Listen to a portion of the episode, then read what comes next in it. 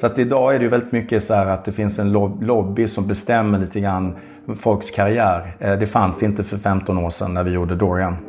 Faktiskt. Då gjorde man mycket mer. Man utgick ifrån vad man själv ville så fick man kritik för det. Men det var kritik och så stannade det där. Det var ingen som gick till riksdagen och sa att Dorian måste stängas ner för att det bara är snygga killar i tidningen. Vi fick den kritiken då. då. Men vi bara, men det är en modetidning. Liksom. Det, här är inte, eh, det här är inte RFSL-bladet. Utan vi representerar en modevärld här. Det är liksom och, sådär. och det har ju också hänt väldigt mycket med den. Idag är modevärlden full av eh, eh, olika människor på ett helt annat sätt än vad det var för 15 år sedan. Hjärtligt välkomna till Våga Med-podden.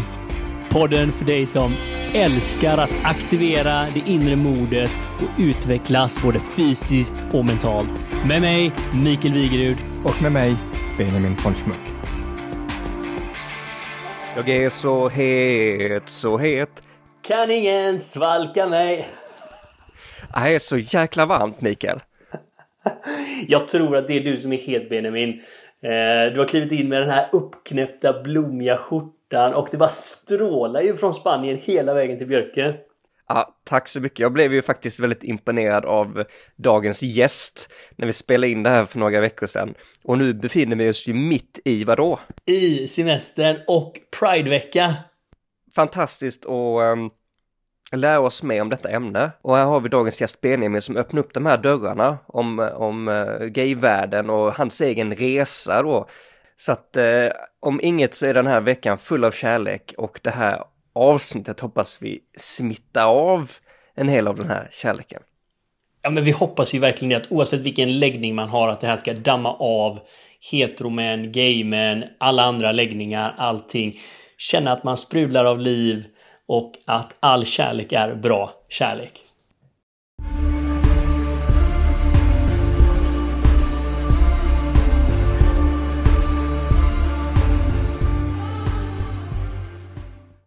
Idag så befinner vi oss här med en eh, man som eh, har ritat om många kartor i Sverige. Han har varit en pionjär sedan unga barnsben och eh, kickade ut redan som 21-åring med att lansera ett modeagentur i Sverige som hette People with Attitude. Och bara det säger vilka människor som var med i den här agenturen. Efter det så har han varit chefsredaktör på gaymagasinet Dorian. Han är idag marknadschef på Sheraton. Eh, samtidigt som han precis har lanserat sin första bok som författare. Så från en fantastisk resa där vi vet att han har sprungit runt på New York Fashion Week och jagat Beyoncé så är han nu rakt in i Våga Mera-studion. Välkommen Benjamin Falk! Woho! Vilken fantastisk eh, introduktion. Eh, däremot så heter det modellagentur och inte modeagentur. Det är två skilda saker. Oh! det ena är kläder och det andra är modeller. Aha, så mm. det ena är det som går utanför personen ja, och det andra är det som är innanför. Men vad gjorde du den här agenturen, eh, Benjamin? Då? Jo, det var nämligen så här att jag eh, var själv, eh, kom upp till Stockholm som 18-åring och eh, liksom flydde Malmö och har aldrig tittat tillbaka, höll jag på att säga. Och när jag kom till Stockholm så fanns det Zoo Models som La Camilla som var med i Army of Lovers hade. Och det var en agentur som hade väldigt mycket, ja det heter ju Zoo Models, det säger sig självt. Det var zoologisk känsla där på hennes modeller. Eh, och jag var en av de här och eh, jag tyckte inte riktigt, för hon höll ju på med Army of Lovers och så det hände liksom ingenting där riktigt. Så då tänkte jag så här, nej men jag kanske inte själv ville vara modell men jag tänkte idén, om man kunde utveckla den lite grann och kanske göra lite, vad ska man säga, lite mer extrema personligheter, inte kanske så snygga bara människor utan liksom verkligen om man tänker sig reklam, då behöver man ju alla typer av människor. Så då kom jag på idén att jag skulle starta People with Attitude och då hade jag precis sett på nyheterna att det fanns något som heter starta eget-bidrag som eh, Arbetsförmedlingen hade infört. Och då var jag en av de första som sökte det här. De älskade idén, jag fick bidraget Och sen när agenturen hade lyckats, då var jag en riktig posterboy. Så när man gick in på Arbetsförmedlingen så var det var jag då med People with Attitude, det här exemplet på vad man kunde göra med ett starta eget-bidrag. Då, då. Så det var en eh, sanslös historia som jag kanske inte hade gjort idag, men jag var 21 år gammal. Så att jag eh, tänkte inte så mycket, utan jag bara gjorde. Ja, det är ju helt underbart. Fantastiskt. People with attitude. Och Benjamin med attitude. Absolut, jag hade väldigt mycket attityd. Ja, det har ja. nog eh, rundats av lite idag. Men eh, att lära känna dig lite mer. Så tänkte vi att vi har lite snabba frågor här som uppvärmning. I högstadiet, vad var ditt favoritämne? Bild. Bild. I sommar blir det hemester i Sverige eller åker du utomlands? Jag skriver uppföljaren till eh, Kammaren Bitch, så jag blir, det blir hemester. Man kan säga lite frivilligt och ofrivilligt. Om du var statsminister, vad är det första du hade gjort då? Ja du, det är en svår fråga. Jag är liberal liksom, så jag hade väl tänkt så att det ska vara något liberalt. Jag har faktiskt inte funderat på det. Det är så mycket som behöver göras med det här landet känner jag och det är snart val och jag vet ju vad jag ska rösta på i alla fall. Så jag kan inte svara på det just nu men det, det finns väldigt mycket man skulle kunna göra. Jag är egen företagare till exempel men även anställd. Jag tycker det finns väldigt mycket att göra där liksom när det gäller eh, eh, egen anställning. Men jag tycker man har gjort det lättare sedan 90-talet, det kan jag säga i alla fall. Så då räknar vi inte med Benjamin Falk som statsminister 2023? Absolut inte. Jag har inte tid. han har en massa annat han ska göra ju. I'm busy. vi, vi ser ju det, det är så himla roligt också. Ett litet axplock bara i några meningar av vad du har gjort. Så skulle man kunna tro att det är flera olika personer. För det är ju extremt blandat. Och det verkar väldigt passionsdrivet. Vad är det som har guidat dig på din resa och, och gjort att du har det här modet att göra så banbrytande grejer inom olika genrer? För det första så tycker jag inte att det är modigt. Jag får oftast höra det att jag är modig. Men jag har aldrig sett mig som modig utan jag har alltid bara utgått ifrån vad jag själv har velat göra. Jag tror att jag från eh, när jag växte upp, jag växte upp i en familj där mina föräldrar alltid på något sätt förverkligade sig själva och alltid uppmuntrade mig att förverkliga mig själv. Så jag tror någonstans att jag såg min mamma hade en mycket mer akademisk eh, eh, karriär medan pappa eh, gjorde massa roliga grejer. Designade och byggde båtar och kappseglade och när han var ung var han eh, racerförare, kom tvåa i Sverige på isbane-SM 62. Var med i den här boken Ett barn blir till som Lennart Nilsson gjorde där pappa var pappan i den boken helt enkelt. Så han har gjort mycket crazy grejer och mamma också alltid följt sitt hjärta liksom och gjort massa roliga grejer i sitt liv. Och de var designers tillsammans när jag var liten och kläddesigners faktiskt. Så att jag har nog vuxit upp i en miljö där man liksom, man, man är uppmuntrad att göra det man tror på på något sätt. Sen kanske inte mina föräldrar tyckte det var lika kul när jag blev som de hade tänkt kanske där då. Kanske lite väl att jag följde mina, liksom, min intuition. Speciellt när jag var ung så tror jag inte alltid att de tyckte att jag gjorde rätt, som jag säger som så. Då. Men, kan du få ett eh, exempel därifrån då, nu medan vi... Nej men alltså det, det, är nog mer det här liksom när man kastar sig ut i grejer som agenturen. Har du tänkt igenom, har du en erfarenhet av att driva en agentur? Nej. Eh, alltså jag hade ju egentligen ingenting utan jag hade en vision av vad jag skulle vilja se för modeller på marknaden. Och så hade jag varit lite modell själv då för Zoom Models och sådär då. Och jag hade ju liksom, ja, jag vet inte, jag hade en vision och det är väl det som har drivit mig alltid att jag har ett mål i min hjärna. Att bli författare, att bli fotograf, att bli modellagenturägare. Och då har inte jag brytt mig så mycket om liksom vägen dit utan jag har gått den vägen som har varit lättast just då. Skillnaden som jag gjorde nu när jag blev eh, författare det var att jag utbildade mig det är väl första gången jag liksom har gjort någonting, vad ska man säga, mer eh, sensibelt. Alltså någonting lite mer vuxet. By the books. Precis. Så här, jag vill bli författare. Oj, jag kanske ska utbilda mig. Där var ju min avgivning helt chockad. Eh, att jag liksom var så sansad och, vad ska man säga, normal i mitt eh, sätt. Så eh, man kan väl säga så att jag alltid följt mitt hjärta och det har ibland gått jättebra, ibland har det inte alls gått. Så kan man ju säga. Det har varit eh, väldigt hö högt och lågt i mitt liv.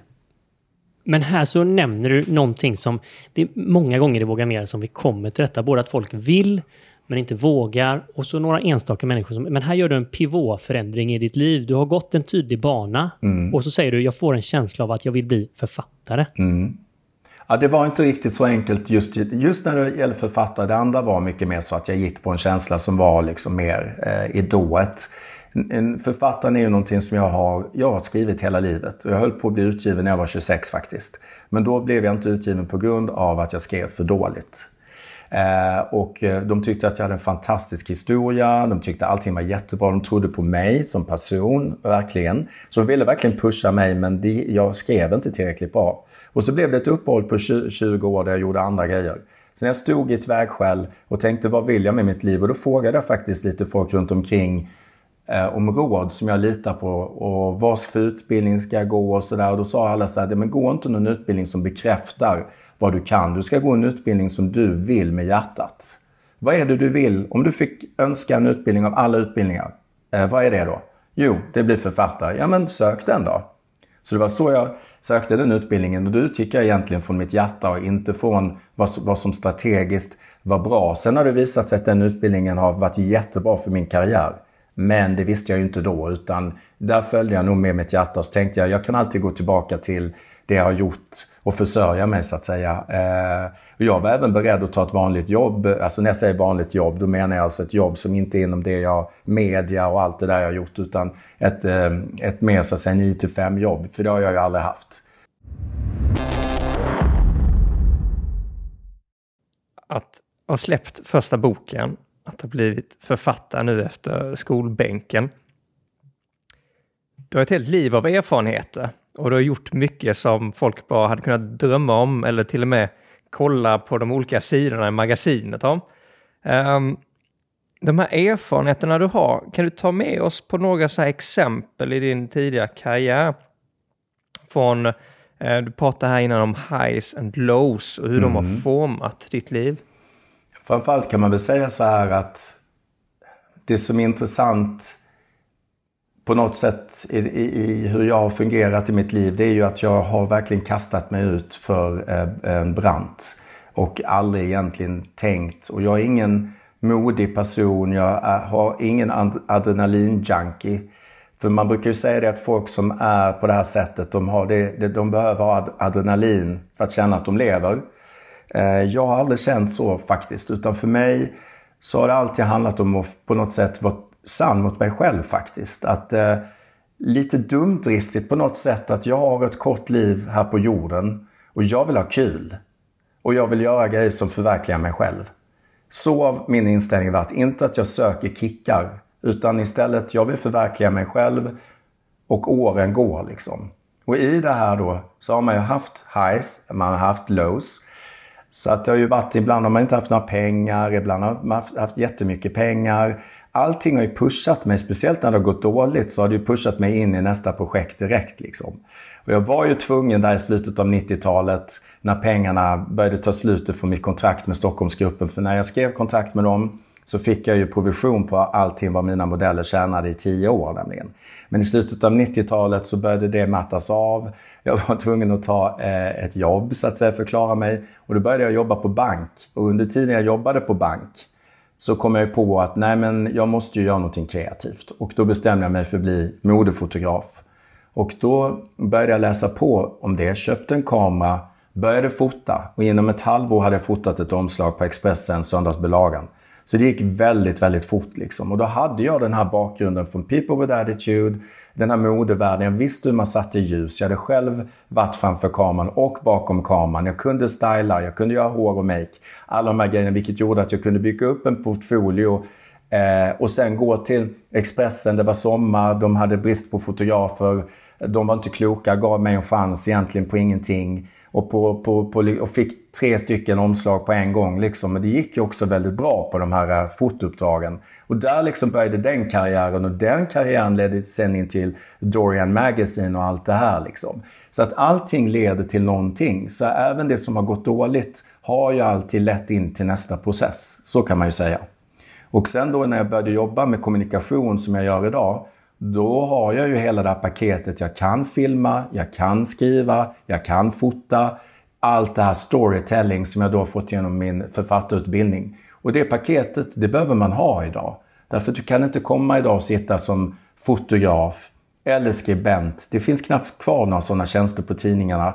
Idag är journalister ute med oftast fotar och skriver och gör allting. Det jag gjorde för 15 år sedan på New York Fashion Week. Liksom. Då folk tyckte att jag var ett freak. Liksom. Där stod Sofie Farman med fem man liksom, och gjorde en intervju med Oscar de la Renta. Sen kom jag med min lilla utrustning, en liten, liten videokamera och en mick och ett litet ljus och intervjuade Oscar de la Renta. Och han tyckte det var jättekul. Han undrade vem fan jag var. Men då var det ju så att man går ju igenom eh, PR-agenter hela tiden. Inte så att jag kan gå fram till Oscar de la Renta själv. Utan man ansöker från det här landet då, från Sverige, om att få göra intervjuer. Och står jag på den listan så gör de ju intervjun. Det spelar ingen roll. De säger inte nej liksom. För du står i kö och du blir en efter en liksom så här. Så, var... så att de, de vet inte om det är en one man show eller om det är en tio eh, liksom, pers produktion. Som... Ja, de har ju tittat på resultatet. De har ju tittat på vad jag gjort innan. Yeah. Och mina, eh, det, det, den mode-tvn som jag gjorde på den tiden som jag kallade för Dorian Television. Det var så Dorian kom igång från början. Det blev ju eh, eh Spray, eh, Spray.ses officiella mode-tv så att säga. Och Spray var the shit. Eh, här va, för 15 år sedan. Så där låg vad, ju... Vad, vad var Spray? Alltså det hela den här... Eh, vad, ska jag se hur jag säger det här. Um, alltså hela det här med, med magasin och, och de här bitarna, mode, mm. um, shows och modellagenturer och sånt. Det, det, är väldigt nytt för mig. Mm. För att liksom förstå den här verkligheten för någon som sitter på kontor 8 till 5 mm. till att liksom jaga Beyoncé och, och liksom de här bitarna. Hur, vad, vad, är, vad var liksom en vardag? Ja, det, det, var ju så att Dorian Television, jag ville starta en, egentligen en modetidning på nätet och den kallade jag för Dorian Magazine. Det var inte gay från början. Eh, och på den tiden fanns det inga eh, eh magasin på nätet än därför att det ansågs, det var så, eh, bilder var jättetungt och filmer ska vi inte snacka om alltså. Så att eh, jag började med som fotograf, för då hade jag varit fotograf några år och tog schyssta bilder, gjorde liksom ett lite taffligt modemagasin själv liksom sådär som låg. Men det var väldigt snygga bilder vilket gjorde att det såg väldigt fint ut. Men det var ju egentligen bara bilderna som var fina. Men tekniken var ju hemsk. Och så var det någon på Spray som var då det stora, stora på den tiden internetundret i Sverige. Liksom Spray Date och det var, var Spray.se, det var där man var. Liksom. Det är ju som Facebook eller någonting idag, alla var där liksom. Och då uppmärksammade de mig där. Och då fick jag tillfälle att göra New York, Paris, Milano och London Fashion Week. Eh, liksom för dem då så att säga. Men jag kallade så för... de liksom sponsrade? Ja precis, vi hade kontrakt. gick i god? Precis, ja. så att det visades på deras plattform då, då men det hette Dorian Television. Och sen när vi, när, efter några år så kände jag så här, men jag vill göra en gay-tidning och då blev det så att vi kallade den för Dorian Magazine. Vi bara tog det namnet för att det kändes så naturligt med Dorian Gray, Oscar Wildes, den här eh, romanen, den enda romanen han har skrivit. Så att eh, det är ju eh, så det, det, där gick till. Och min vardag på den tiden var att man åkte till New York. Man hade press credentials som det heter. Man har ansökt om att få vara press. Varje modevisning står man i kö med kanske 100 till 200 fotografer. Alla stora, eh, vad ska man säga, Reuters och de, de har ju liksom satt sina platser framför de här uh, runways så att de står redan där med någon jättetjock gubbe liksom som är bredaxlad som man inte ska kunna komma emellan. Liksom. Och så står de som en vägg så här och tagit de bästa platserna. Och sen kommer vi lilleputtar och får stå under, över. Så har man liksom som olika så nivåer då, då. Så det kanske är fem till tio våningar där vi står som en vägg, liksom, fotografer och filmare. Och då fick man ju liksom fighta om den här platsen, att överhuvudtaget kunna filma och fota. Och sen var jag så fräck så jag sprang ju ner på catwalken efter visningen och tog tag i de här stjärnorna och ibland fick jag backstage pass. Eh, och då gjorde jag intervjuer som Oscar de la Renta, då gjorde jag intervju backstage då så att säga. Så då sprang jag omkring. Då fick jag missa nästa fashion show. Jag fick välja, vill jag ha Oscar de la Renta backstage, då kunde jag inte stå i kö till nästa modevisning. Utan då fick jag missa den. Så jag fick liksom välja i förväg vilka var de som gav mest publicitet. Så var det. Så, här höll man på hela dagarna. Så mellan modevisningarna när jag satt i kö och väntade, då satt jag och klippte film. Och efter några år, eller efter två år på Fashion Week i New York så visste ju alla vem jag var där. Va? Så då behövde inte jag kämpa lika mycket. Så då hade man hamnat i hierarkin, liksom, i det här mellanskiktet. The hard work pays. Precis, så jag var liksom i mellanskiktet då efter Reuters och alla de här enorma då. Och så kom vi som var lite då i mellanskiktet och sen var nybörjarna därefter som fick ta den platsen och fick så att säga. Alla visste det. Benjamin han har jävligt vassa armbågar. Ja, men jag var ju kaxig och liten och smal så jag liksom klämde in mig. Så stod man och skakade så här liksom mellan. Det, det var ju helt otroligt om man tittar på filmerna idag. Eh, vad man gjorde liksom. För det, det, var ju också den tiden då alla stora mode, eller vad säger alla toppmodeller gick. Eh, så jag har ju intervjuat de flesta, Marcus Schenkenberg, Beyon, eller vad säger Naomi och Rachel Hunter, uh, Petra Nemkova, alla de här har jag intervjuat. Uh, men det var ju också en väldigt, um, man levde ju liksom, man gick upp tidigt, man la sig jättetrött på kvällen, sen var det likadant nästa dag, sen åkte man hem efter Fashion Week. Och så gick man på något fashion party då liksom som Armani kanske bjöd in en eller någon liksom sådär. Men eh, man hann liksom inte festa utan det var jobb, jobb, jobb, jobb. Men då fick man ju en känsla av, och det, det var ju helt annan grej i New York än i London, än i Milano i Paris. Det är helt olika scener, helt olika attityd. Eh, så det som funkade i New York funkade inte i London. Så man, man fick ju verkligen anpassa sig. I Milano ska vi inte snacka om, den är en helt annan mentalitet. Där, där fick man använda, väldigt, liksom i New York gällde liksom armbåga sig fram. I London var det väldigt strikt. Det var de som bestämde var du stod. Du hade liksom, det var inte du själv som valde. I Milano så gällde det liksom bara springa. så att det var liksom så här, helt olika stil. I Paris är det jättestrikt och, och där är det väldigt hierarki. Liksom. Så man fick anpassa sig. Så bodde man i en resväska under, under en och en halv månad för alla de modeveckorna följer varandra. Så där är en roadtrip runt Europas modemecka. Ja. Man gör det under en och en halv månad. Det låter eh, fashionabelt kanske, men det var det ju inte som ni förstår. Eh, alltså för mig var det inte så fashionabelt. Så det man ser när man kollar på tv och så är det lite, roman, eh, vet det, det är lite romantiserat? Nej men det är ju så att om du ska ha fem minuter med Liza Minnelli eller någonting, då står du kanske i kö i en timme och bråkar med alla möjliga för att få komma fram överhuvudtaget. Sen får du tre minuter, eller de säger one question, och det gäller det att kunna ställa den frågan och sen that's it. Och sen kanske du inte har något att göra på tre timmar. Så att jag menar, men att stå i kö igen och bråka med ytterligare eh, personal. Så att det, liksom, det är ju hela tiden att bråka med PR-människor och det är massa lager och så här.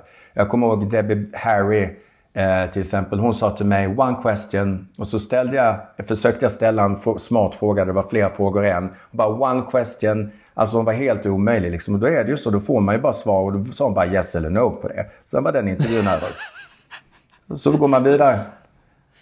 Det är ju inte så många i världen som har pratat med såna här alltså kändisar som du har kommit så himla nära. Ja, nära har jag ju inte, men Ja, men alltså, det på fysiskt hur, nära. Hur, vi menar nära. ja. Men eh, kan du se någon röd tråd eller är det någonting som du har lärt dig när du liksom summerar upp hela det här? Eh...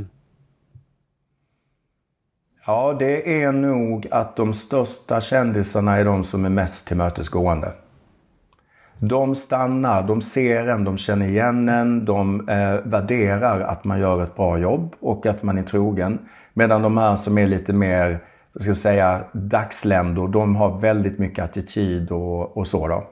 Men på ett personligt plan så måste jag säga att det jag lärde mig det var ju att alla, det låter så klyschigt att säga men att alla är vi människor, men det var så tydligt där att de här kändisarna, de blir rädda eh, när det är mycket folk. Alltså man ser att de är obekväma. Man ser att de vill inte göra det här egentligen. De tvingar sig att vara trevliga fast de inte vill. Man kan verkligen se liksom hur alla har sina roller här. Va? Jag ska jaga de ställer upp i bästa fall motvilligt. En del är ju mer villiga än andra liksom. Men det, det, är ju verkligen en värld som en synergi. Man ser ju verkligen att det är ett kretslopp. Så man förstår ju liksom hur allting hänger ihop och att alla gör sin bit någonstans. Alla måste det jobba. Känns, det känns ju inte som att eh, man riktigt tar hänsyn till om en person är extrovert eller introvert. Om, om man är där som, som modell så är man där för ett jobb och Ja, modellerna är ju väldigt extroverta därför att du måste vara det. Du så. lyckas inte annars. Ja. Absolut, de står ju där med bara bröst och byter om och vi filmar liksom. Så de bryr sig inte överhuvudtaget. Jag tror att du kan inte vara modell om du inte är extrovert. Jag tror inte det faktiskt. Jag menar, det var ju till exempel vid ett tillfälle så var Naomi Campbell, kom jag in precis när hon bytte om och hon stod i princip naken. Hon bara tittade på mig sådär liksom bedjande i ögonen. Snälla filma inte. Så gjorde jag inte. Jag tog ner kameran. Och så, sen tänkte jag, vad dum jag vilken idiot jag är. Men liksom så här, men, men, men, sen, men, man, nej, men man såg i ögonen att hon ville inte det. Liksom. Inte för att hon var blyg, men liksom respekt. Och så var det ju hela tiden på något sätt. Man måste göra avvägningar hela tiden. Eh, på den tiden var ju Paris Hilton den största stjärnan. Det här var 2004-2005. Så hon var ju väldigt jagad och sådär. Och hon gav ju ändå mig tid och sådär och sa någonting sådär om Dorian då, då. Jag försökte få alla kändisar att säga “Watch me on Dorian Television”. Så det finns ju massa online där man kan se eh, Yoko Ono till exempel eh, och eh, här eh, Mary J Blige. Fast de sa ju oftast fel, någonting blev ju fel liksom. Men det spelar ingen roll, de sa Dorian. Och det var det viktiga liksom. Ibland var det det enda jag fick av någon. Watch me on Dorian Television. Men då hade man ändå fått ett namn som man kunde lägga liksom som en highlight. För, som gjorde reklam för hela produkten kan man säga. Och det var väl därför Spray gillade det här. För att det blev exklusivt material som är för en svensk marknad, så att säga. Och det var väl det de tyckte var kul för Expressen och Aftonbladet och så. De var inte på modeveckorna på den tiden. Det var ju då Sofie Farman. Man hade skickat dit en modejournalist eh, som eh, alltid ställde de mest generiska frågorna man kunde tänka sig. Det var som att de inte... Ja, det, det var liksom de dumma frågor tyckte jag i alla fall. Så därför uppskattade hur, ju... Hur, hur kändes det? Vad, vad, vad är, what's the theme of this show? Och liksom, man bara ser liksom hur de får ont i huvudet, de här designerna. Liksom. Det, det, kan man läsa i pressmeddelandet. Så jag var ju mån om att alltid ställa initierade frågor. Jag hade tittat på föregående show och så, så att jag kunde jämföra. Nu var det så här. Och liksom, så att man liksom kom in och då blev de mycket mer öppna och mycket mer trevliga och stannade också längre i intervjun. För de tyckte det var kul att man hade visat intresse. Det var, det var, så att då spelade det ingen roll att man stod där med en liten kamera med vingligt ben. Jag kommer ihåg jag stod på ett ben och filmade Vivienne Westwood en gång. För hela pressen var där. Och det här var precis innan press, eh, hon skulle börja bli intervjuad. Och så sprang jag fram och ställde mig på ett ben så här och, eh, och, och liksom vinglade med ljuset där och så här. Så man ser det på filmen liksom att jag vinglar. Och eh, då var jag den enda som fick en personlig intervju. För hon, hon sa för vakten när jag gick mot mig, hon bara nej stopp, stopp, stopp. Så jag fick en liksom kanske fem frågor med henne där exklusivt och ingen annan i världspressen fick det. Liksom. Så att det gällde hela tiden på något sätt att sticka ut. Jag var också klädd annorlunda än de här, jag menar de som jobbar som fotografer och filmare på modeveckorna, de har svart t-shirt, de har långt hår, ser lite hårdrockaraktiga ut liksom. Eh, och där kom jag liksom i hattar och glasögon och grejer. Så att det gjorde också att många människor la märke till mig och eh, man fick kontakt på ett annat sätt. Eh, vilket var rätt viktigt om man är en person, så att säga. Och det gjorde att man byggde upp något lite förtroendekapital på sikt där liksom.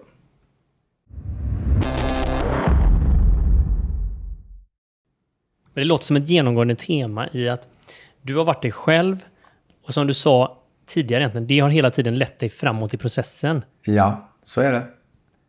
Och jag har väl inte heller varit rädd för att eh, jag har aldrig känt, och det kanske är en brist hos mig, den här respekten inför att man eh, kan fallera. Det finns inte hos mig för att det har jag gjort många gånger. Men då har jag gjort det liksom med glatt mod alltså. För att någonstans så tillhör ju det att fallera också. Men jag har aldrig sett det som att man har misslyckats. Utan snarare som har man lärt sig någonting på det till nästa gång. Och försöka göra det lite bättre nästa gång. Tror du att det här är en av nycklarna till din framgång? Dumdristigheten, ja. Lite naiv, blåögd. Och eh, jag tyckte du separerade dem så himla fint. Alltså, ingen rädsla att misslyckas. Jag skulle fråga... Men helt okej okay att fallera. Eh, jag skulle säga om du frågar de som känner mig väl så ska de skratta nu här liksom åt hela den här diskussionen. För de tycker att jag är lite crazy så. Va? Sen är det många som tycker det Naturligtvis, det är ju jag. Alltså man kan inte, det är mitt DNA. Alltså du kan inte ta bort det. Jag tror jag kom, som 90-åring kommer väl hitta på något dumt. Liksom. Men det, det, det, är liksom den nyfikenheten som driver mig. Och jag tror att jag kan inte vara stilla. Ja, inte ADHD kan jag säga. Men det finns ett eh, drag av det här liksom att man vill framåt. Eh, men jag är väldigt fokuserad då istället. Liksom. Så att jag, jag vill framåt och är väldigt fokuserad och gillar utmaningar. Däremot är jag inte modig till exempel. Jag har kompisar som om de ser en giftig fisk som nästan måste gå fram och ta på fisken och se om de ska dö. Sån är inte jag alls. Då är inte jag modig alls. Så det finns ju olika typer av mod, tänker jag. Och där... Då har jag en fråga där Benjamin, för nu, nu la du in det så fint här. Nu sa det, folk som känner mig väldigt väl kan ju tycka att jag är lite crazy. Om du skulle nämna en crazy sak som de vet om dig, vad hade det varit då? Ja, men det är så mycket så det kan jag inte säga. Nej, men jag, jag skulle, jag, jag, tror inte att det finns en grej, utan jag tror att de skulle säga mer inställningen till allt. Liksom. Det här att man inte liksom... Jo, det, det jag faktiskt tror att de skulle säga, som många har kommenterat och mina vänner, det är att du faller och så reser du dig upp och skakar av dig direkt. Kollar aldrig bakåt. Och det är ju både en brist och eh, eh, både bra och dåligt, skulle jag vilja säga. Men så är det faktiskt. Jag har alltid skakat av mig alla möjliga dåliga grejer som har hänt och gått vidare. För det finns ingen idé, tycker jag, att sitta och grubbla över det. Försök att lära sig av det som har hänt och sen så går man vidare helt enkelt. Hur gör du detta? För jag hör så många som kommer och tycker att saker fastnar. Alltså det fastnar i tankeprocesser, det fastnar i känslor, det fastnar i kroppen och mm. man blir aldrig av med det. Och här säger du, jag skakar av mig, mm. går vidare. Hur, hur gör du detta? Och hur, det är ju en process. Det, det, är ju en process. Det är ju så att när det händer någonting väldigt eh, jobbigt professionellt. Det kan ju vara att man alltså, inte har några pengar att betala hyran eller någonting sådär när det har gått dåligt. Då, då är det ju så här, vad ska man göra? Jo, men det hjälper ju inte att jag sitter här liksom och är, tycker synd om mig själv. Utan man, man kan ju vara ledsen, men man måste ju gå vidare liksom och söka jobb. Det var ju så jag blev skolfotograf under några eh, höstar liksom för att klara mig liksom där eh, under eh, några år. Liksom. Och då var jag det under tre höstar och det tjänade jag jättebra pengar på. Då, eh, så då bara gjorde jag det och så var jag på fötter igen. Och så var jag back on track. Så att jag hinner liksom inte tänka utan jag hittar en lösning och gör det och sen så går jag vidare med det jag egentligen vill göra. Så blir någonting okay. annat då. Så att det är liksom som, som det finns en, eh, en guidande stjärna, men ibland för att nå den vägen så behöver man pausa lite grann eller bygga upp lite kapital eller liksom snekla förbi de här andra stenarna eller väggarna som är emellan. Det var ju så att eh, när vi startade Dorians efter ett år så gick ju företaget i konkurs och det var ju därför att eh, vi var fyra delägare och jag ska inte gå in i hela den historien men en kort, för att göra en kort historia så så satsade eh, de här ägarna enormt mycket pengar och vi tryckte upp enormt mycket tidningar och vi gjorde reklam på TV och allt det här liksom och kanske inte förstod. och vi hade prenumerationsservice precis som vi vore L eller någonting. Samma prenumerationsservice, allting skulle vara top notch liksom. Och det gick ju inte så det företaget gick i konkurs.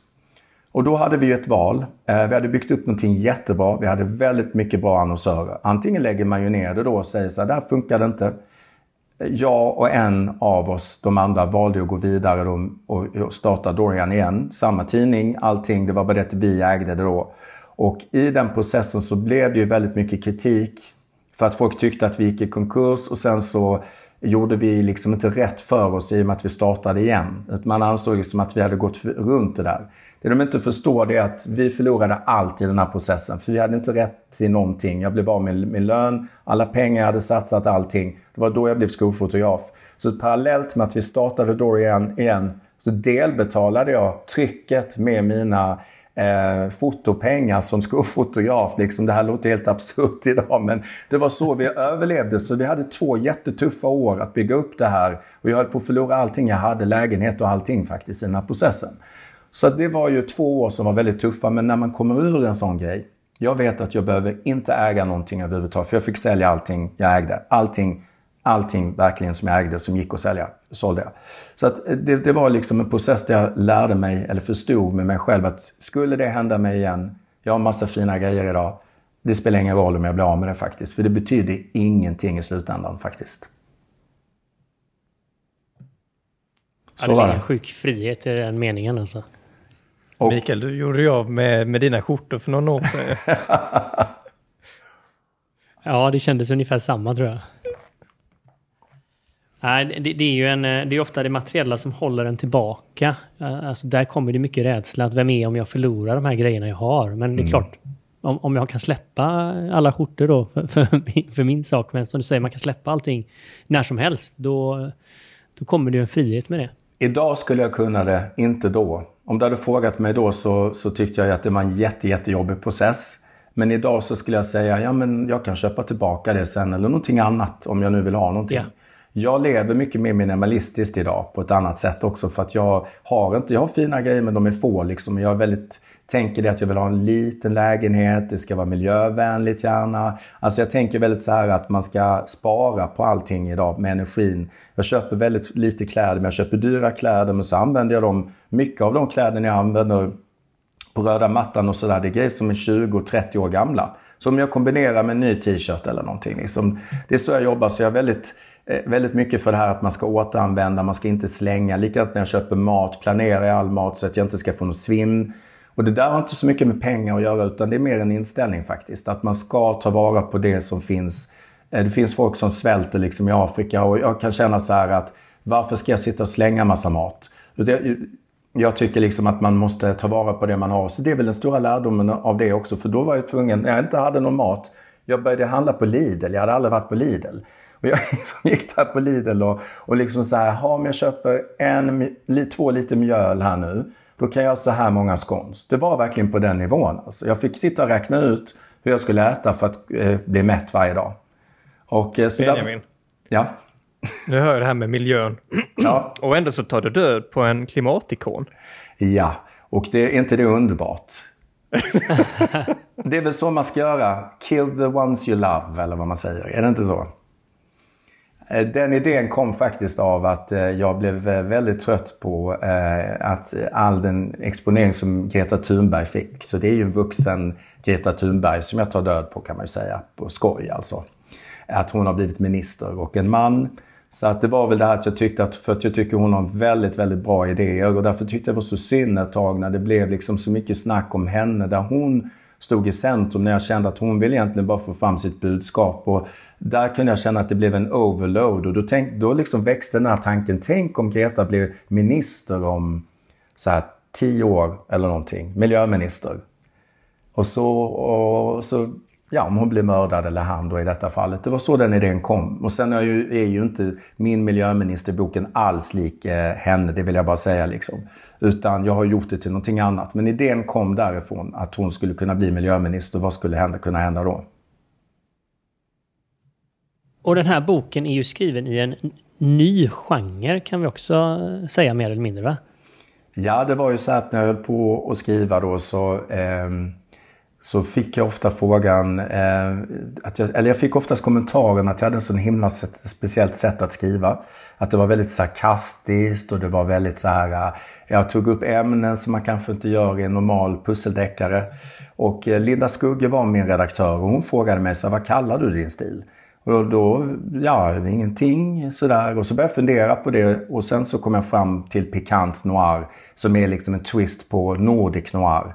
För att jag är ju verkligen inte Nordic Noir. Det här handlar ju inte om eh, människor som lever på eh, samhällsbotten. Det är inte bron, det är inte sjaskigt, det är inte grått, utan här är det glamorösa människor och färgstarka människor Eh, och alla har pengar. Liksom. Det är inte det de bekymrar sig över vad de ska äta utan det är eh, intriger, det är politik, det är sex och det är, det är liksom mer på den nivån. Och därför så tyckte jag pikant som betyder kryddigt, svart, det var ett väldigt bra namn. Eh, och jag tänkte så att många skulle förstå kopplingen till Nordic Noir.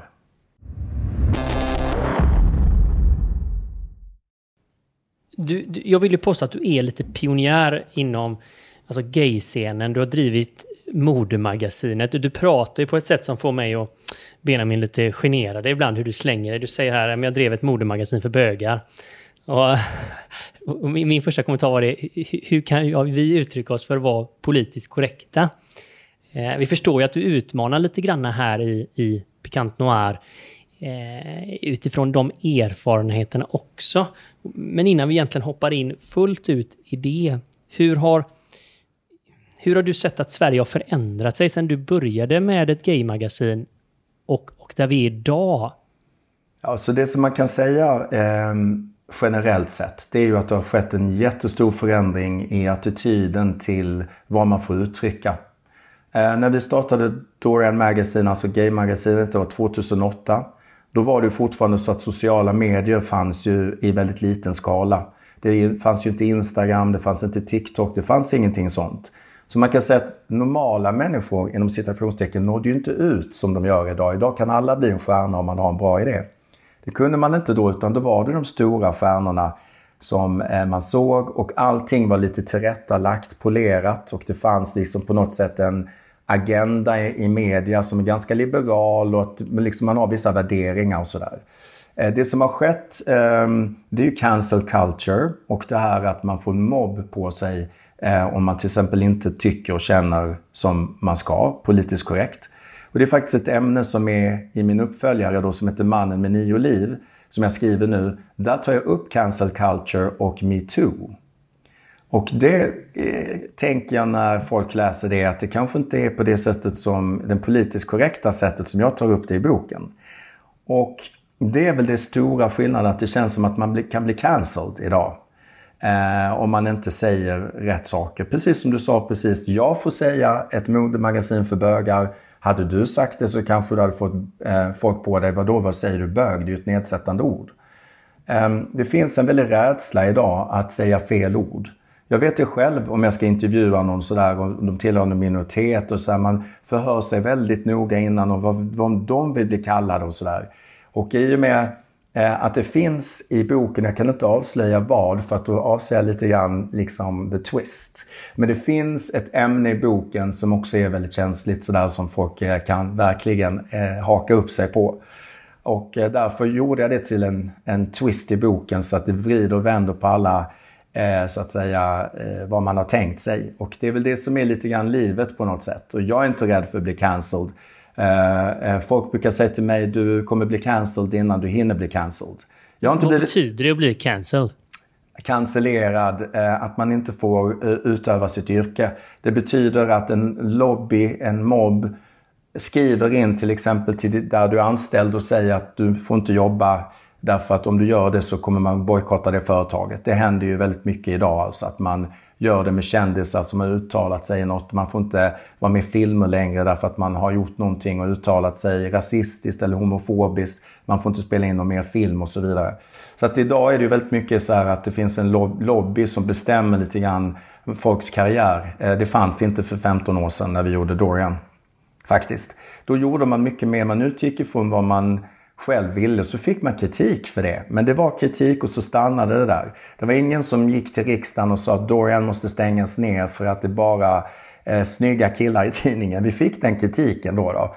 Men vi bara, men det är en modetidning. Liksom. Det, här är inte, eh, det här är inte RFSL-bladet.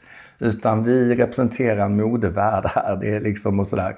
Och det har ju också hänt väldigt mycket med den. Idag är modevärlden full av eh, eh, olika människor på ett helt annat sätt än vad det var för 15 år. Skulle vi göra Dorian idag eh, vi var väldigt noga med till exempel att vi eh, skulle ha med alla typer av etniciteter och sådär. Det, var det var självklart för oss. Men eh, idag så känns, känns det ju som att det är väldigt mycket mer man måste tänka på faktiskt för att inte få... Personernas politik och vad liksom... Kön, man kön, kön tillhörighet, Eh, vikt, allting måste man ta, liksom tänka idag att man måste på något sätt ha med alla de här bitarna för att alla ska känna sig inkluderade. Det var ju ingen som brydde sig om för 20 år sedan om du var inkluderad. Snarare gick det väl ut på att om du inte såg ut som du skulle så skulle du känna dig exkluderad och vilja uppnå det målet. Idag tycker jag det har vänt att det är nästan tvärtom att man så att säga, det finns så många ideal idag så du kan välja vilken grupp du vill tillhöra.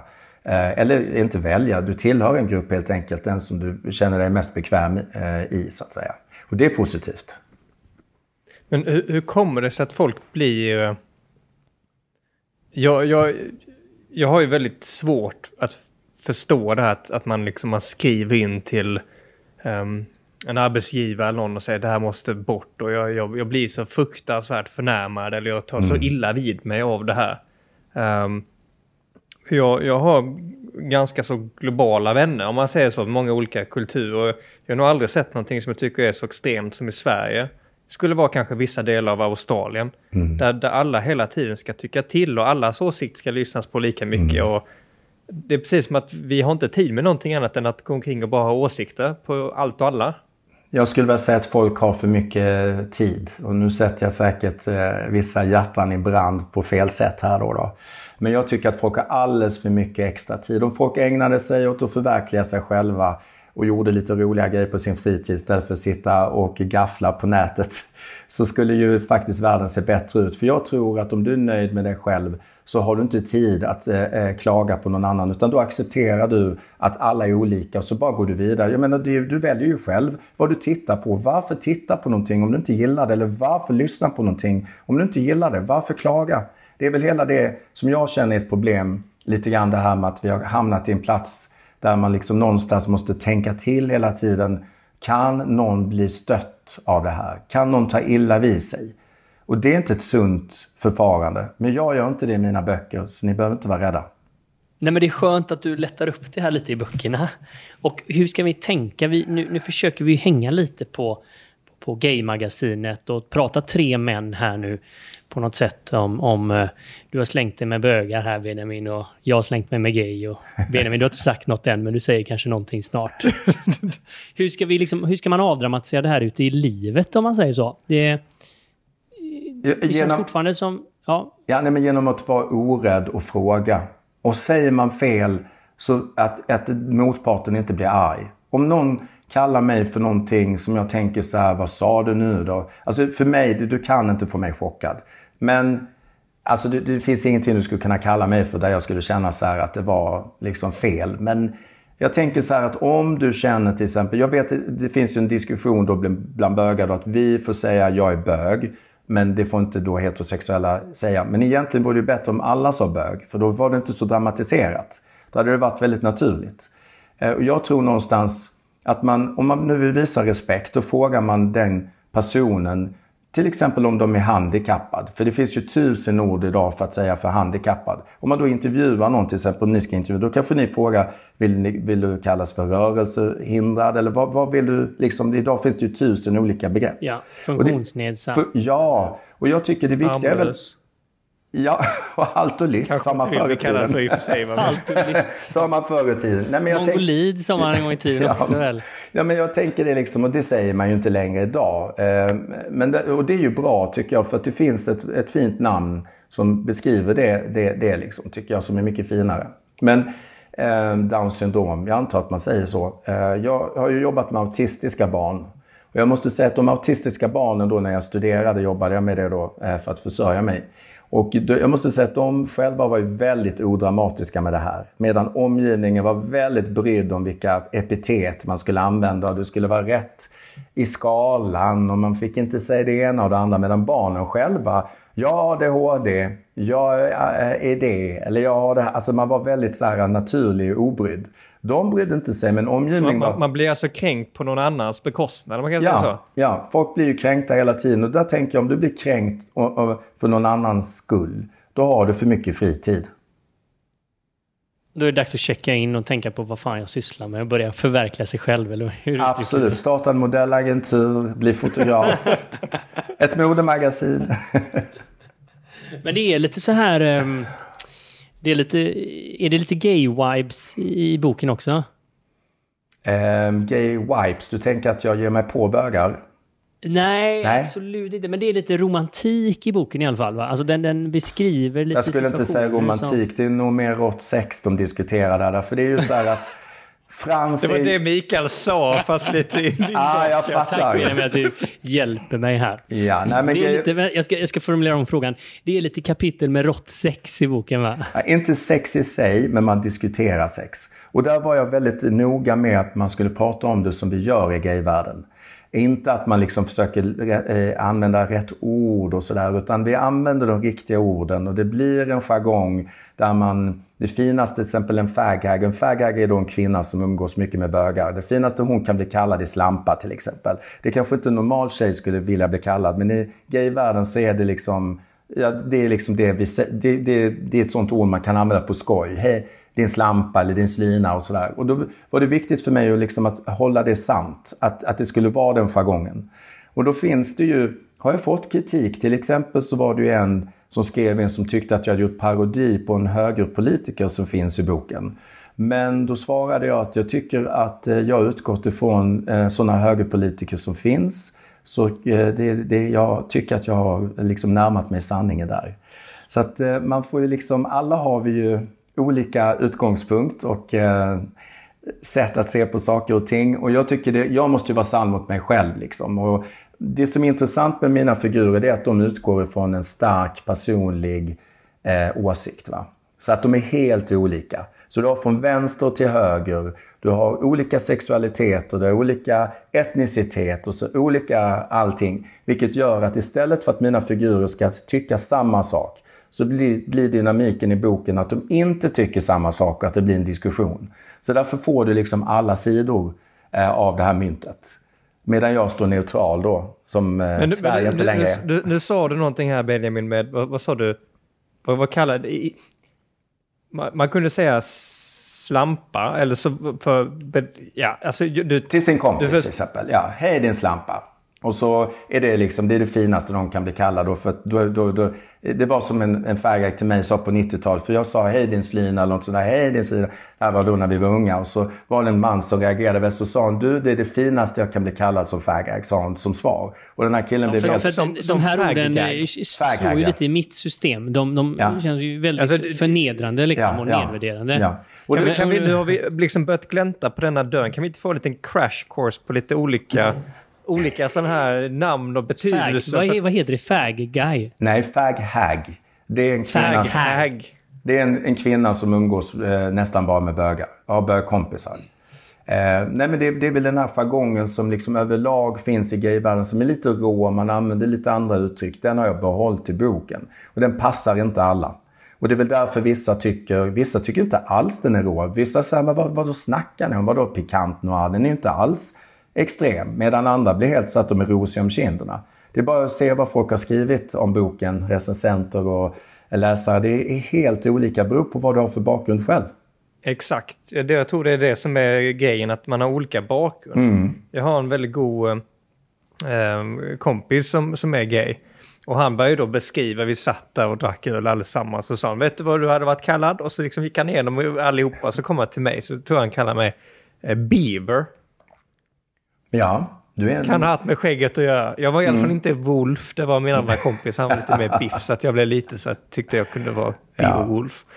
Men så att det var ju liksom ganska så fräckt att bara, det, det var som att någonting helt nytt öppnades upp, att det finns liksom en helt annan värld med be, beteckningar och benämningar och sånt där som var helt främmande.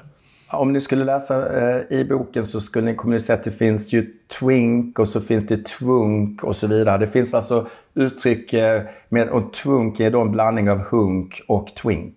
Och en twink är ju en ung smal kille och en hunk är ju en hunk.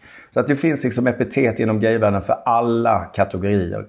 Eh, och han, Frans är ju då en silver fox, alltså en silverräv då, då. Det är en man som har blivit gråhårig med lite, lite så här, inte jättesmal och så har lite skägg eller mustasch och sådär. Det är en silver fox då, då. Eller en silverräv. Så att eh, man, eh, eh, man, det finns uttryck för allting och det är väl det som är lite härligt i gayvärlden, att det finns namn på allting och man får vara allting. Var, var, varför, varför finns det det egentligen? Det tror jag handlar om sexuella preferenser om jag ska vara helt ärlig. Det är, är ju ofta så att man i gayvärlden, liksom för att göra processen kort och nå fram till sitt mål så snabbt som möjligt så har man Det preferenser. är någon som har hackat detta alltså. Nej, men det, det handlar ju liksom att någonstans vara tydlig i sin kommunikation. Eh, på den tiden när man inte kunde vara öppet gay, då hade man eh, näsdukar i olika färger som man satte i vänster eller i höger eh, bakficka. Och de signalerade då vad man tyckte om sexuellt. Det behöver vi inte göra idag, utan vi kan eh, chatta på, eh, på olika chattforum eller har Grindr. Och då är det ju viktigt att man når rätt målgrupp direkt så man inte slösar tid på alla andra som man inte är intresserad av. Och då är det bra att ha väldigt tydliga epitet på vad det är man söker. Därför tror jag att det finns från början. Ett behov av att liksom vara väldigt tydlig i vad det är man söker och vad man själv är. Om, hur skulle du beskriva dig? Så har man ett ord för det. Då vet den andra direkt, är jag intresserad eller inte intresserad? Så tänker jag på eh, så här, med Tinder och sådana appar. Och så tänker jag om, om man hade liksom varit väldigt tydlig med sina preferenser, hur det bara kunnat bli sådana här hat eller att du, så får du inte beskriva, du får inte bara vara intresserad av det. Men här känns det som att i, i, i, man har lite grann kommit undan det. Killar är ju killar. Vi eh, vill snabbt fram och vi vill inte hålla på med allting runt omkring. Liksom. Utan det är ju väldigt så här att man vill vara tydlig tror jag och det går snabbt. Och eh, jag kan ju känna så här att en fördel med gayvärlden är ju att den är väldigt, väldigt, det är högt i tak. Vi har ju andra problem istället, glastak, som ni inte har i den straighta världen. Att det är finare att vara en viss typ av bög. Alltså det finns hierarkier hos oss också. Va? Men jag tycker att det har blivit bättre eh, med åren. För när jag kom ut 91, eller vad det var, 90-91. Då var det liksom så här att det finaste man kunde vara, det var straight acting. Ni hör ju själva straight acting. Hur låter det liksom? Det låter inte så bra i efterhand va? Eh, och det har ju ändrats idag. Jag menar herregud, hur fjollig är bara, inte? Bara så att vi får två förklaringar. Alltså spelade man straight? Eh... Nej, man spelar inte straight utan man ska vara straight acting. Alltså du ska eh, ha, eh, vara maskulin. Ah, okay. Man skulle inte kunna misstänka vara... att du var bög. Inga feminina handleder eller så. Va? Utan väldigt maskulin. Det var ju det fina. De var högst i kurs. Tittar man idag så kan man ju se det att ni, ni vet ju själva, liksom, det finns ju jättefjolliga bögar och så finns det jättemanliga bögar. Idag vågar folk vara mycket mer sig själva och det tycker jag är väldigt positivt. Där har vi kommit långt. Men fortfarande finns det lite grann en hierarki i gayvärlden om vad som anses vara lite sexigare än det andra och sådär då. Precis som det gör i vilken lucka man än tittar in i egentligen ju, där eh, trender får bestämma och så vidare. Mm, mm. Men vad tror du? Det finns ju fortfarande en, en, del laddning och man hänger ganska mycket på det ena eller det andra här. Är du i den boxen eller är du i den boxen? Är du straight eller gay eller så vidare? Hur tror du det kommer utveckla sig framåt? Alltså pikar vi på något sätt i den här boxningen och kommer, kommer du få mindre eh, betydelse vilka sexuella preferenser man har i ett modernare samhälle? Jag tycker att man redan har sett en enorm skillnad. Eh, för att när jag pratar med unga killar idag så har de inte alls varit med om den här komma ut-processen som vi har som är 50 idag alltså. Eh, många har haft det mycket, mycket enklare. Det beror naturligtvis på var du bor och vad du har för till exempel bakgrund, vad du har för familj. Men generellt sett kan man ju säga att gaykillar idag är fullt med förebilder på TV, i media. Överallt finns det ju gaykillar som är öppet gay-gifta, de har barn och allting. Det här fanns inte när jag kom ut. Då var det en sak som styrde, det var aids. Att du kunde dö om du hade sex med en annan kille. I det klimatet så kan man väl säga att det var inte så jättekul att komma ut kan jag säga. Föräldrarna kanske inte blev jätteglada först liksom.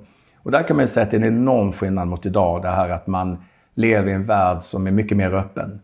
Det man ser det är väl det att världen runt omkring oss går i två riktningar. Att man i vissa länder blir mer och mer öppna. Men man också i andra länder blir mer och mer stängda. Det blir svårare och svårare att vara gay i vissa länder, som Ryssland till exempel. Medan i vissa länder blir det bättre och bättre. Så man har sett till exempel i Sydamerika nu så har man ju land efter land börjat öppna upp nu för gayäktenskap och sådär. Och I Europa så är ju faktiskt Spanien det landet som är mest gayvänligt. Inte Sverige, inte Norge, inte Finland, inte Danmark, utan Spanien. Så att det är bara att titta liksom runt omkring oss i världen att det går i två riktningar. Så kan man ju säga. Varför, tog, varför går det alltså i en riktning där, där man mest stänger det, tror du? Ja, det tror jag beror på att det är konservativa vindar. Eh, man har gått ifrån till exempel i Ryssland och var ett kommunistiskt land där inte religionen fick eh, existera. Sen blev man kapitalister plötsligt. Folk behövde ett behov av religion, uppenbarligen. Och det är ju väldigt mycket den ryska kyrkan, ortodoxa kyrkan, som styr bilden av homosexuella i Ryssland. Och eh, det är bara, bara ett exempel. Eh, jag tror att det handlar om politik, det handlar om värderingar. Det är ju ett värderingssamhälle vi lever i idag. Tycker ni inte det att var du än vänder dig så är det värderingar. Titta på USA, det beror på vilken president som sitter, vilka lagar som... Det är väldigt mycket värderingar. Höger, vänster, mitten, whatever liksom. Och där kan jag ändå tycka i Sverige att vi har kommit väldigt långt. För vi har ändå ett demokratiskt samhälle där allas röst får höras. Sen finns det de som tycker att det, att det finns censur och så där. Det gör det säkert. Va? Men, Lite så här lagom demokratiskt. ja, men om man jämför med andra länder så har vi det ja, väldigt ja. bra här. Ja, ja. Fantastiskt bra. Vad ska vi göra på individnivå, Benjamin? Om man efter det här avsnittet känner att eh, jag vill ändå göra någon positiv skillnad? I sitt liv? Alltså för det här också. Om Sverige ska vara ett uh, öppet land där folk kan Mm. få vara sig själva. Hur, hur ska jag börja med mig själv? Och... Att vara sann mot dig själv till att börja med. För det är faktiskt där det ligger. Jag har mött så mycket människor i mitt liv som inte är sanna mot sig själva, som, eh, som har så mycket hat och så mycket eh, dolda känslor inom sig. Så fort man släpper på det här och man liksom accepterar sig själv så blir det ofta så att man blir en mycket mer fredlig människa och vänlig människa och förstår andra. Och ibland är det faktiskt så att en kris kan göra att människor får en mycket högre förståelse för andra. Jag tänker på mig själv. Att jag ändrade nog också väldigt inställningen till pengar och saker efter den där konkursen. Där jag märkte att det var inte viktigt att ha någonting egentligen och sådär. Att jag kanske gjorde om, tänkte om efter den när det gäller sådana här saker till exempel. Så mina värderingar kanske ändrades lite grann. Ja, den ska vi ta med oss tycker jag ut här. För det är väl inget annat mål än att vi bör vara ledande i Sverige på att låta människor få vara sig själva. Vi är bra på väg, men vi har inte kommit riktigt dit. Nej, men du sa det. Börja med sig själv. Det får man göra. Ja. Om man nu vill ta din bok, alltså det är ju sommargrejer på ingång. Och eh, Karma är en bitch, mordet på en klimataktion. Alltså en, en, en, en snabb pitch nu på, på boken för våra kära läsare som ligger i hängmattan. Är den här boken för alla eller är, är, det- riktat till någon som vill ha något specifikt? Typ Nej, alltså- äventyr, sugen på mord eller liknande. Vem, vem, är boken skriven för? Man kan säga att det är en pusseldeckare som är en egen genre. En Agatha Christie, fast en modern, väldigt modern Aga- Agatha Christie. Där människorna är jättemoderna, de lever moderna liv. Det är problem och ämnen som diskuteras i boken som är väldigt, väldigt moderna. Så jag tror någon som söker en, det här liksom lite mysdeckare men som vill ha en twist. Då är den perfekt. Så älskar man morden i Midsommar men önskade att den, det var transsexuella och det var alla möjliga eh, gays, läderbögar, faghags, eh, färgstarka politiker, torra politiker, snygga politiker, fula politiker ja, i lyxig miljö. Liksom. Då tror jag att boken är väldigt kul att läsa. Och det får, jag får väldigt mycket kommentarer att folk skrattar väldigt mycket när de läser den. Den är superironisk. Eh, men det finns ett svart botten. Det finns en, en samhälls... Eh, ett mörker, ett samhälls, en samhällskritik i botten. Och det är väldigt, väldigt roligt att så många eh, läsare har, har sett det här. Och att till exempel biblioteken fick en väldigt fin eh, betyg på det interna bibliotekssystemet. Vilket har gjort att många bibliotek har köpt in den. Så ni behöver inte köpa den. Väldigt många bibliotek eh, har den. Så ni kan, eh, vad heter det, inte hyra, låna boken. Sen finns det den också som ljudbok, vilket också är väldigt, väldigt kul. Eh, för att det ger en ytterligare dimension. Och det är Maria Wells som har läst in den. eh, och hon gör ett väldigt bra jobb i alla fall, tycker jag. Och den här finns på Storytel också. Den finns på alla plattformar. Du kan köpa den överallt online. Eh, vissa fysiska bokhandlar. Eh, den finns ju både som e-bok, den finns som ljudbok och den finns i fysisk form. Och den finns att låna på bibliotek. Och där finns den även som talbok. Och, och vi som har förmånen att se dig Benjamin här i studion. Alltså om boken är hälften lika sprudlande och färgskapande som dig. Och ändå, Det gnistrar i ögonen och det gestikuleras på ett helt underbart sätt här. och ändå sitter jag här i en tillrättalagd liten t-shirt i, i, i mm, vad ska man säga, grågrönt. Ja. Så jag, jag försökte klä Och det ner känns som mig. de starkaste sommarfärgerna. Tack, jag tar det som en komplimang. Det var det verkligen alltså. Ja. Det var det verkligen. Och jag tänker det är väl någonting som jag tycker alltid livar upp mitt liv och något som jag måste säga.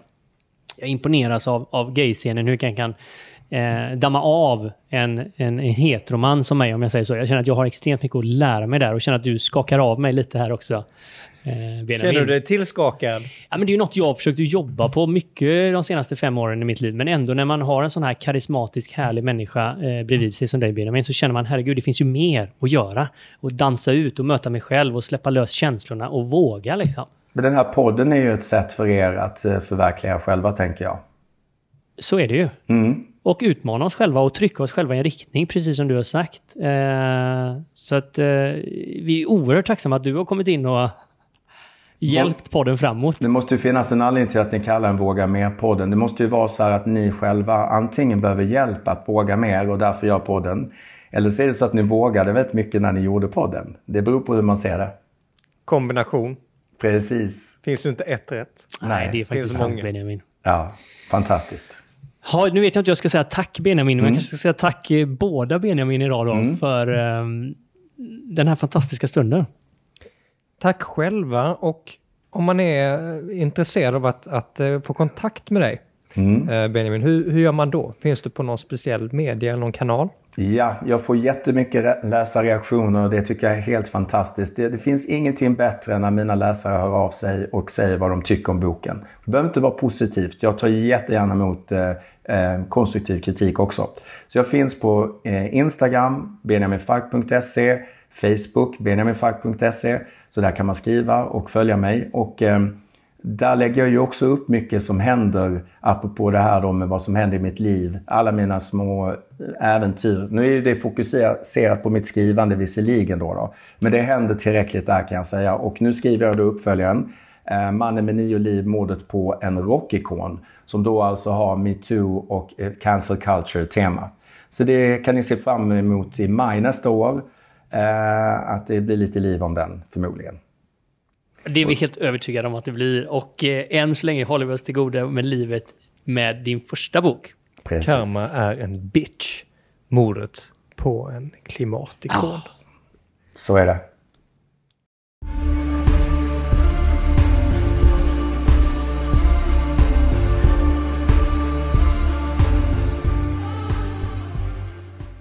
Du har precis lyssnat på Våga Mer-podden. Med mig, Benjamin. Och med mig, Mikael. Vill du höra mer av oss så måste ni ju såklart prenumerera på podden. Och det gör ni genom att ni klickar i den här klockikonen där poddar finns. Det brukar vara som en, en liten, liten, liten ikon. Så se till att ni hittar den så är ni med nästa avsnitt och nästa igen och nästa igen och nästa igen och ni är alltid uppdaterade. Och är det en sak som vi verkligen tycker om i Våga Mera-podden så är det ju att vi tillsammans engagerar oss. Så in på våra sociala kanaler, kommentera, dela och inspirera varandra. Ha en magisk vecka till nästa gång så syns vi snart igen.